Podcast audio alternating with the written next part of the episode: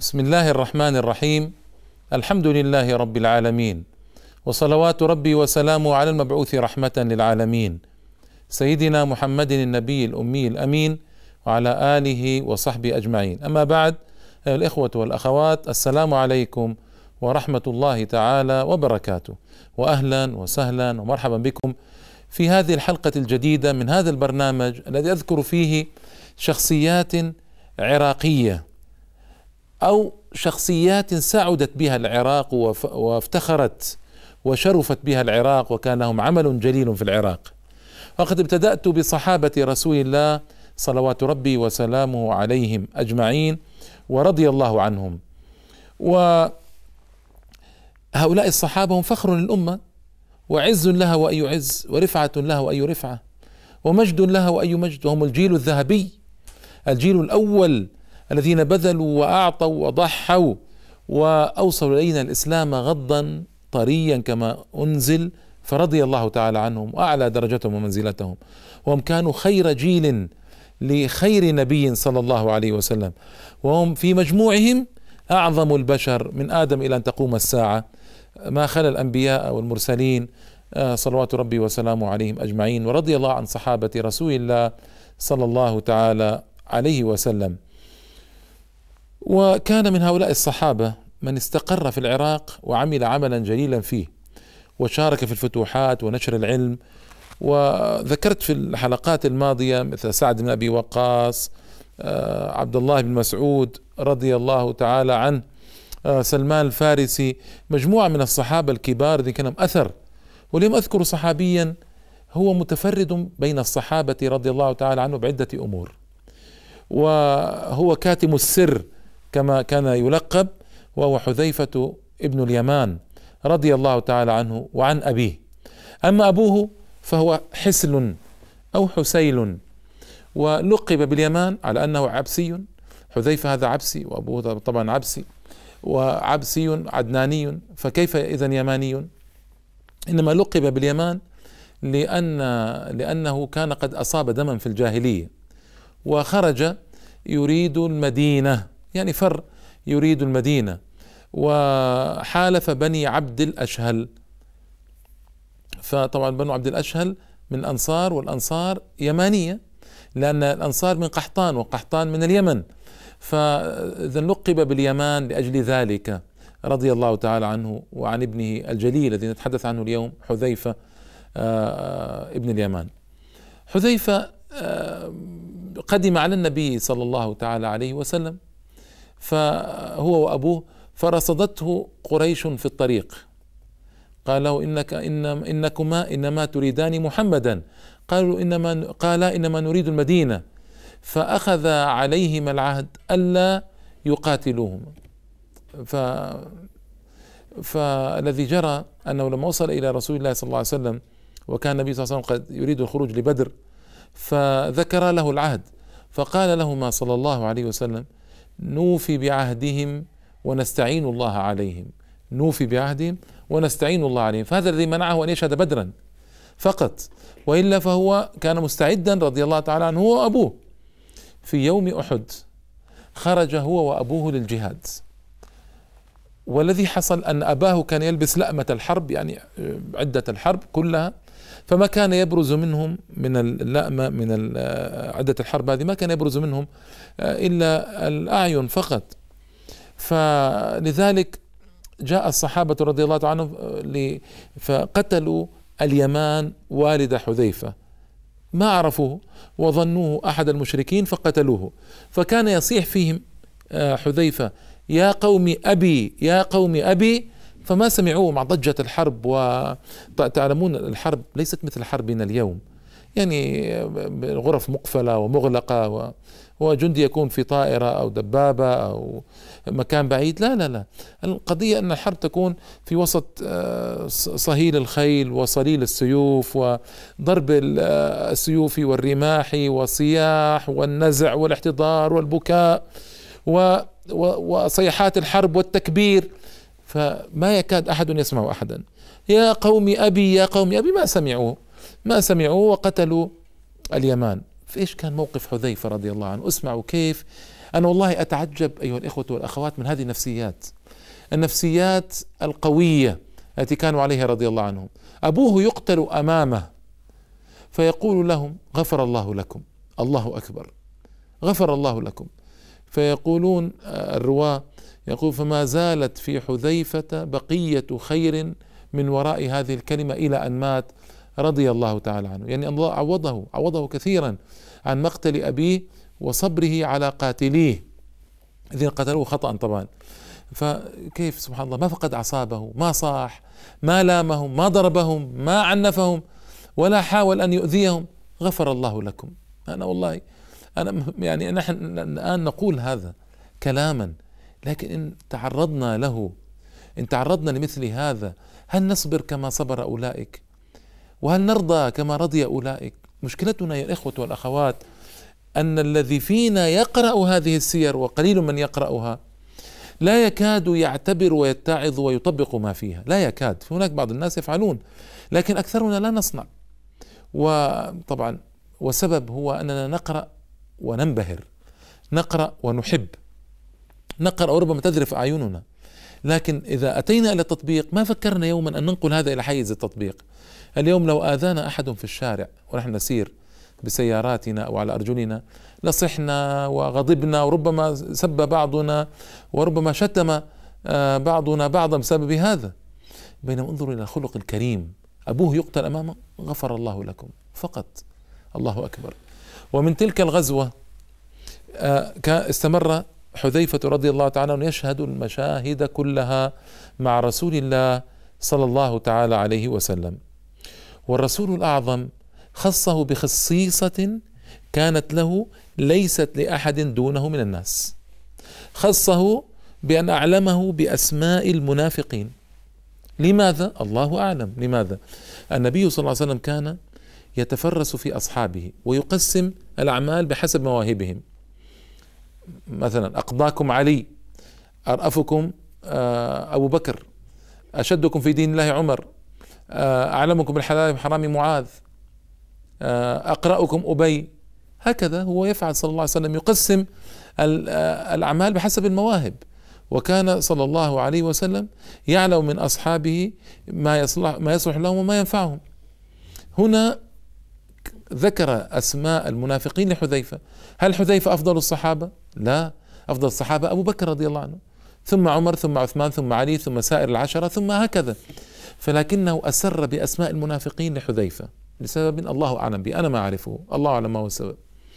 لذلك كان حذيفة يتجنب الصلاة على المنافقين الذين يموتون لأنه يعلم أنهم منافقون وهذا ليس لأحد من البشر إلا لرسول الله صلى الله عليه وسلم لمعصوم أطلعه الله تعالى وهو لا أطلع حذيفة. وكان عمر ينظر رضي الله عنه في من يصلي عليه حذيفة فإذا صلى حذيفة على أحد صلى عمر ما صلى على أحد ما صلى عمر. وجاء عمر الفاروق الملهم العظيم العملاق جاء إلى حذيفة يقول أنشدك الله يا حذيفة هل أنا من المنافقين؟ الله أكبر اسمعوا اسمعوا أحدنا اليوم يذنب الذنوب العظيمة. ويقول نحن سندخل الجنة والله غفور رحيم. عمر الفاروق عظيم المسلمين عملاق الإسلام العلامة الفارقة في تاريخ الإسلام. يأتي إلى حذيفة يقول أنشدك الله يا حذيفة هل أنا من المنافقين؟ قال اللهم لا ولا أزكي أحدا بعدك أبدا. كانوا يحبون عمر ويفضلونه ويقربونه ويقدمونه صحابة رسول الله صلى الله تعالى عليه وسلم. وكان حذيفة يقول كان الناس يسألون رسول الله صلى الله عليه وسلم عن الخير وكنت أسأله عن الشر مخافة أن يدركني. اسمعوا كيف. كيف فيقول يا رسول الله هل بعد هذا الخير الذي نحن فيه من شر؟ قال نعم. قال هل بعد هذا الشر من خير؟ قال نعم وفيه دخن. قال وما دخنه؟ قال آه، أمراء يستنون بغير سنتي ويعملون غير عملي أو كما قال صلى الله عليه وسلم. قال فهل بعد ذلك الخير من شر؟ قال نعم. قال وهكذا كان يسأله ويلح في المسألة حتى يكون على بينة من دينه. رضي الله تعالى عنه. وكان أيضا قد أعلم بالفتن الكائنة بين رسول الله صلى الله عليه وسلم إلى وبين قيام الساعة. وهذا أيضا علم واسع. وهو لم يخص بهذا كما خص بأسماء المنافقين. بل ماذا قال حذيفة؟ اسمعوا. قال قام فينا رسول الله صلى الله عليه وسلم مجلسا فذكر الكوائن إلى أن تقوم الساعة. وفي رواية خطبنا رسول الله صلى الله صلى بنا رسول الله صلى الله عليه وسلم الصبح فخطبنا إلى الظهر. وهذا حديث عجيب وفي صحيح مسلم. ثم صلى بنا الظهر فخطبنا إلى العصر. ثم صلى بنا العصر فخطبنا إلى أن مالت الشمس على على على سعف النخيل أو كما قال يعني مالت إلى الغروب. فما ترك شيئا كائنا وسيكون إلى يوم القيامة إلا أخبرنا بخبره. وفي رواية ما ترك قائد فتنة يبلغ من معه ثلاثمائة فصاعدا إلا أخبر باسمه واسم أبيه واسم قبيلته إلى يوم القيامة. نسي ذلك من نسي وحفظ ذلك من حفظ. وهذه هذه أحاديث عجيبة. ويقول حذيفة رضي الله تعالى عنه ما مات رسول الله صلى الله عليه وسلم وفي السماء طائر يطير بجناحيه لأخبرنا من خبره. يعني ما ترك شيئا إلا وأخبرهم. يعني الكوائن المهمة الأمور الفتن العظيمة. لذلك كان حذيفة رضي الله تعالى عنه يعلم الفتن. وجاء به عمر رضي الله تعالى عنه وسأله عن الفتنة. فأجابه وقال قال من يعلم الفتنة الكائنة؟ فقال حذيفة أنا قال إنك إذا لجريء. وأخبره بالفتنة يعني أنه ستكون فتنة. وأن وأن عمر رضي الله عنه هو الباب الذي سيكسر وتلج منه الفتن بعد موت عمر يعني. وكان موت عمر هو كسر الباب باب الفتنة. حتى كسر الباب لتدخل الفتنة يعني. فقال عمر يفتح أو يكسر لا أم لك؟ فقال بل يكسر يا أمير المؤمنين. قال فذاك حري إذا ألا يغلق أبدا. وكان صادقا رضي الله تعالى عنه. وكان عمر هو الباب رضي الله تعالى عنه الذي ولج بعده إلى الفتن بعد استشهاده آه، كما هو معلوم آه، رضي الله عنه. حذيفة إذا كان على اطلاع بأسماء المنافقين كان على اطلاع بأسماء, بأسماء أصحاب الفتن الكبار العظام. لذلك كان يقول كانت آه، يعني كان يقول الصحابة رضي الله عنهم عن المجالس التي حدثهم النبي صلى الله عليه وسلم بالفتن كان يقول إذا مر إذا مرت الفتنة يتذكرها يتذكرها كما يتذكر أحدكم وجه صاحبه إذا غاب عنه طويلا ثم إذا رآه عرفه. ولم يكتف حذيفة بهذا بل كان مشاركا بالجهاد بقوة. في العراق وفي فارس يعني ما يعرف بإيران اليوم. فقد فتح الدينور وكان قد سعد قد افتتحها ثم انتقضت عليه بعد ذلك ففتحها حذيفة رضي الله تعالى عنه. وافتتح ما ما سبدان وافتتح همذان أيضا. فهذه كلها في صفحة حسناته رضي الله تعالى عنه. فكم من ملايين الناس من هذه المدن آه، دخلوا في صفحة حسنات هذا الرجل العظيم. رضي الله عنه. وعمر رضي الله عنه كان يعرف قدره. لذلك أرسله إلى المدائن أميرا. كيف أرسله؟ كان عمر رضي الله عنه يكتب لمن يريد أن يرسله آه، إليهم أميرا. يكتب إليهم لقد أرسلت إليكم فلانا وأمرته بكذا وكذا فاسمعوا له وأطيعوا. لما أرسل حذيفة قال أرسلت لكم حذيفة بن اليمان فاسمعوا له. فقط بدون أمرت بكذا وكذا. فعلموا أنه رجل له شأن إذن وشأن كبير. فانتظروه حتى يأتي. فخرجوا استقبالي أميرهم يخرجون استقبالي. فلما جاء إذا بيده رغيف وعرق من لحم. والعرق هو العظم عليه لحم قليل يتعرقه تعرقا يعني يخرجه بأسنانه. عظم عليه لحم قليل وبيده رغيف وعرق من لحم. فرأوه جاوزوه. ما ظنوا أنه هو هذا الأمير. حتى أتوا بعده على على الناس الذين جاءوا معه. قالوا أين الأمير؟ قالوا هو ذاك. فسارعوا إليه ورحبوا به دهاقين المدائن يعني رؤساء المدائن الذين يقومون على أمر الناس ويقومون بأمر الخراج ويقومون بأمر الأرض ويقومون بأمر هكذا. يعني سارعوا إليه لينزلوه. فكان معه العرق وكان معه الرغيف. فنظر إلى عظيم من عظمائهم فأعطاه العرق والرغيف. يعني أكرمه بذلك.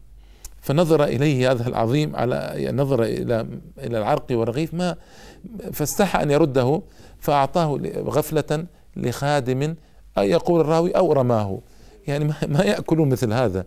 يعني كان الصحابة رضي الله تعالى عنهم آه، بعضهم كان في غاية من التقشف عجيبة ومن الزهد ومن وكان يكفيهم الشيء اليسير. فما يعني ما ما ارتضى هذا العظيم من عظماء الدهاقين أن يأكل ما يأكله أميره. وهذا السر في عظمة الصحابة وكيف أثروا على الناس وكيف دخل الناس دين الله افواجا.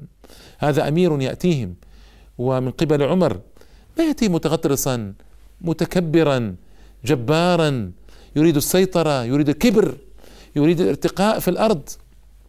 إنما اتاهم متواضعا. أتاهم يركب على آه، حمار رضي الله عنه. أو بغل أنسيت الآن ما حمار أو بغل. بيده عرق من لحم قليل لحم عظم وعليه قليل من لحم مع رغيف يأكله. حسن الخلق حسن التواضع رضي الله عنهم. هكذا كانوا في في كل الأمصار كانوا هكذا. عتبة بن غزوان على البصرة كان هكذا. أمراء مصر أمراء الشام أمراء العراق أمراء المغرب من الصحابة كانوا هكذا. لذلك أثروا في الناس أعظم التأثير وتركوا فيهم أعظم الآثار التي جعلت الناس تدخل في دين الله أفواجا. الإسلام ما انتشر أيها الإخوة بسيف ولا انتشر بدماء ولا بإكراه. الإسلام انتشر بأن الناس رأوا الصحابة فأعجبوا بهم أعجبوا بأخلاقهم بجمال تعاملهم بتواضعهم بتلطفهم وبقي حذيفة رضي الله تعالى عنه أميرا على المدائن لعمر إلى أن مات عمر. ثم ظل أميرا طوال خلافة عثمان. وقد حكم عثمان أحد أو إحدى عشرة سنة ونيف بضعة شهور. وبقيت طيلة أو طوال خلافة عثمان وهو أمير على المدائن. ومات بعد عثمان بأربعين ليلة. وقد شاخ رضي الله تعالى عنه. شاخ لأن عثمان كما نعلم آه، استشهد سنة خمس وثلاثين. سنة خمس وثلاثين. فلما فلما مات بعد بأربعين ليلة مات وقد شاخ رضي الله تعالى عنه. فإذا جاهد يعني عناوين الشخصية العظيمة هذه شخصية مجاهدة شخصية عالمة. أنا يعجبني العالم إذا عمل وأعظم العمل الجهاد في سبيل الله ذروة سنام الإسلام الجهاد في سبيل الله. فمنذ بداية عهدي مع رسول الله صلى الله عليه وسلم وهو مجاهد هنا نعلم كيف كانوا يطوعون أوقاتهم وحياتهم للجهاد والعمل والتضحية والبذل. رضي الله عنهم. يعني تشعر أنهم فعلا ما كانوا يتطلعون لمناصب شخصية ما كانوا ينظرون لمكاسب معينة إنما كانوا يطمعون في إرضاء الله تعالى منذ اللحظه الأولى التي يسلمون فيها. يعني هذا هذا هذا سر عظمتهم رضي الله تعالى عنه سر عظمة هؤلاء العظماء من الصحابة. فنلاحظ أنه شهد احدا والمشاهد كلها مع رسول الله صلى الله عليه وسلم. ذهب لفتح الدينور وحسبكم بالدينور واستغلاظه على المسلمين نقضي على العهود هو الذي فتحها. فتح همذان وكم بعد ذلك من همذان من العلماء والصلحاء في ميزان حسناته. تولى إمرة المدائن مدة طويلة جدا وعمل عمل متواصل. كانوا يتولون المسؤولية ويحرصون عليها. عثمان عمر رضي الله تعالى عنه في نهاوند ونهاوند هي فتح الفتوح مشهورة. نهاوند معركة كبيرة جرت في آه، بعد فتح العراق لتخليص المنطقة من الوثنية. لأن المنطقة كانت فيها بقايا وثنية لأن كسرى كان ينتقل من منطقة إلى منطقة. كان في آه، كان في بالقرب من دجلة في المدائن ثم انتقل إلى حلوان ثم إلى الري ثم إلى خراسان. يعني كان يهرب ما قتل إلا في زمن عثمان. رضي الله تعالى عنه. فكانوا يريدون تطهير المنطقة من الوثنية. وهذا الذي جرى آه، في نهاوند فتح الفتوح أرسل عمر رضي الله تعالى عنه حذيفة بن اليمان من الكوفة وكان أميرا على الكوفة آنذاك أو أميرا على الجيش الذي خرج من الكوفة أرسله أميرا إلى النعمان بن المقرن. والنعمان المقرن هو القائد العام في نهاوند والشجاع الكبير. رضي الله تعالى عنهم عنهم جميعا جميع صحابة رسول الله صلى الله عليه وسلم. فارسلوا أميرا إلى هنالك.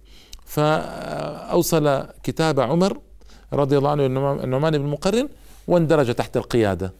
انظروا للنفوس كيف. يعني التنازل عن الرئاسة التنازل عن القيادة. كان أميرا جيش تحرك من الكوفة إلى هاوند كان أميرا حتى سلم الرسالة إلى إلى النعمان بن مقرن. ثم تنازع الإمارة وعاد جنديا. هذه الروح روح التجند روح الجندية روح عدم حب التصدر والشهرة والرغبة في المناصب والرغبة في آه، أن يصل المرء إلى إلى الترأس وإلى الصدارة. هذه حقيقة كان يمتاز بها صحابة رسول الله صلى الله تعالى عليه وسلم كما نقول اليوم في الأعم الأغلب فيهم رضي الله عنهم. فكانت نفوسهم في أيديهم كانوا مطاوعين رضي الله عنهم ما كانوا متطلعين إلى مناصب الدنيا الفانية هذه التي لا تساوي شيئا إطلاقا. وحذيفة رضي الله تعالى عنهم عنه كان محبوبا من الصحابة وكان هو يحب الصحابة أيضا وكان بينهما ألفة عجيبة. فما أثر في حياته عنه رضي الله عنه خلاف مع أحد من الصحابة؟ ولا أثر عنه نزاع لأحد من الصحابة. بل كان يعيش حياة كلها طمأنينة وأمن وكان يؤثر الهدوء ويؤثر البعد أيضا عن الفتن. لذلك لما جاء ليموت حمد ميتته وقال حبيب جاء على فاقة. اسمعوا هذه مشاهد الاحتضار مؤثرة. حبيب جاء على فاقة أي على انتظار. فاق الفقر لكن الفقر إليه يعني انتظار. حبيب جاء على الفاقة. الحمد لله الذي سبق بي قادة قادة الفتنة علوجها وأفرادها. أليس أمامي ما أعلم؟ نعم أمامه ما يعلم علمه النبي صلى الله عليه وسلم ما, ما سيجري من فتن ومشكلات. الحمد لله الذي سبق به الفتنة قادتها وعلوجها. أليس أمامي ما أعلم؟ رضي الله عنه. وسئل أبو مسعود البدري عن كيف كيف مات حذيفة؟ قال آه، أعوذ بالله قال أعوذ بالله من صباح إلى النار. يعني من صباح يعقبه نار وسائر يردد هذه ثلاث مرات ثم آه، مات رضي الله تعالى عنه. فحتى ميتته حمدها لنفسه. لماذا؟ أنه يعلم أن هناك فتنا ستأتي. فسر رضي الله تعالى أنه مات قبل حدوث الفتن. وهذه من رحمة الله بعبده وعنايته به. أنه أماته قبل آه، أن ينغمس في الفتن والمشكلات الفتن. ومات يوم مات والأمة محتاجة إلى علمه وفقهه وجهاده رضي الله تعالى عنه. مات ما غير ولا بدل وكان ذلك كما قال الله تعالى من المؤمنين رجال صدقوا ما عاهدوا الله عليه.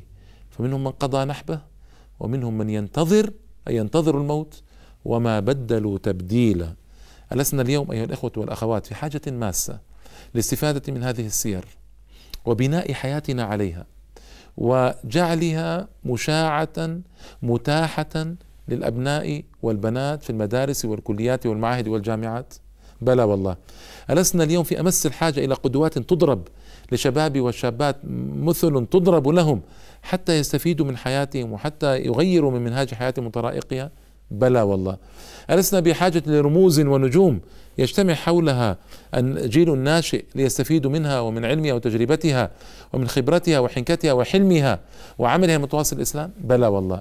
سيرة حذيفة وسيرة أصحابه العظام من أجمل وأحسن ما يقدم إلى الجيل الجديد هدية حتى يستفيدوا ويتعظوا ويعتبروا ويغيروا حياتهم من جديد. اليوم نشاهد البنات ونشاهد الأبناء في الشوارع والطرقات والسيارات يضعون على سياراتهم صور الممثلين والممثلات ولاعبي الكرة يضعون على صدورهم صور لاعبي الكرة وعلى ظهورهم. هؤلاء هم القدوات الذين يعرفونهم. لو سألت الشباب عملنا استبانه اليوم في الجامعات والمدارس اكتبوا ما تعرفون عن حذيفة بن اليمان. ماذا سيقولون؟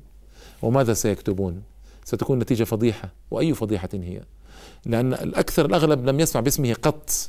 ومن سمع باسمه لا يعرف أي شيء عنه هل هو صحابي أو تابعي أو معاصر له حتى من قادة المسلمين ما يدري ما يعرف. وبعض الناس وقليل جدا منهم نسي أن يكتب سطر أو سطرين عن حذيفة بن اليمان أو يعرف أين مات وكيف أسلم وماذا صنع في حياته رضي الله عنه. أليست هذه مأساة؟ وأي مأساة هي يعانيها الجيل اليوم؟ مأساة تغييب التغييب المقصود للرموز والقدوات. إعلامنا أين هو؟ إعلام الراقص إعلام الأفلام إعلام التمثيليات الإعلام الذي لا يخشى الله في في الجيل. ولذلك أنا أحمد لقناة بغداد في الحقيقة هذا التوجه توجه ذكر الشخصيات. نعم هي شخصيات عراقية لكن على الأقل هي شخصيات عظيمة وجليلة تعرض للناس تعرض لا لقص القصص ولا لسرد الأخبار ولا الملء الفراغ فقط بل لتتحول إلى منهاج حياة إلى طريقة حياة كاملة نعيش عليها ونموت عليها إن شاء الله تعالى. رضي الله عن أصحاب النبي صلى الله عليه وسلم جميعا ورضي الله عن حذيفة بن اليمان المهاجر المجاهد الذي عمل طويلا واشتغل كثيرا وجاهد في سبيل الله حتى أتاه اليقين وألحقه بالنبيين والصديقين والشهداء والصالحين وحسن أولئك رفيقا ومن يطع الله والرسول فأولئك مع الذين أنعم الله عليهم من النبيين والصديقين والشهداء والصالحين وحسن أولئك رفيقا. وألحقنا به في عليين فما أجمل أن نأتي يوم القيامة ونزور رسول الله صلى الله عليه وسلم ونزور حذيفة بن اليمان وسعد بن أبي وقاص وأبا موسى الأشعري وعمر بن الخطاب وأبو بكر الصديق وعثمان بن عفان وعلي بن أبي طالب وهؤلاء العظماء الكبار ونسعد بهم في جنات النعيم. نسأل الله أن يحقق لنا ذلك. إنه وليه والقادر عليه. وإلى اللقاء والإخوة والأخوات في حلقة قادمة. نذكر فيها شخصية عراقية جليلة أخرى. والسلام عليكم ورحمة الله تعالى وبركاته.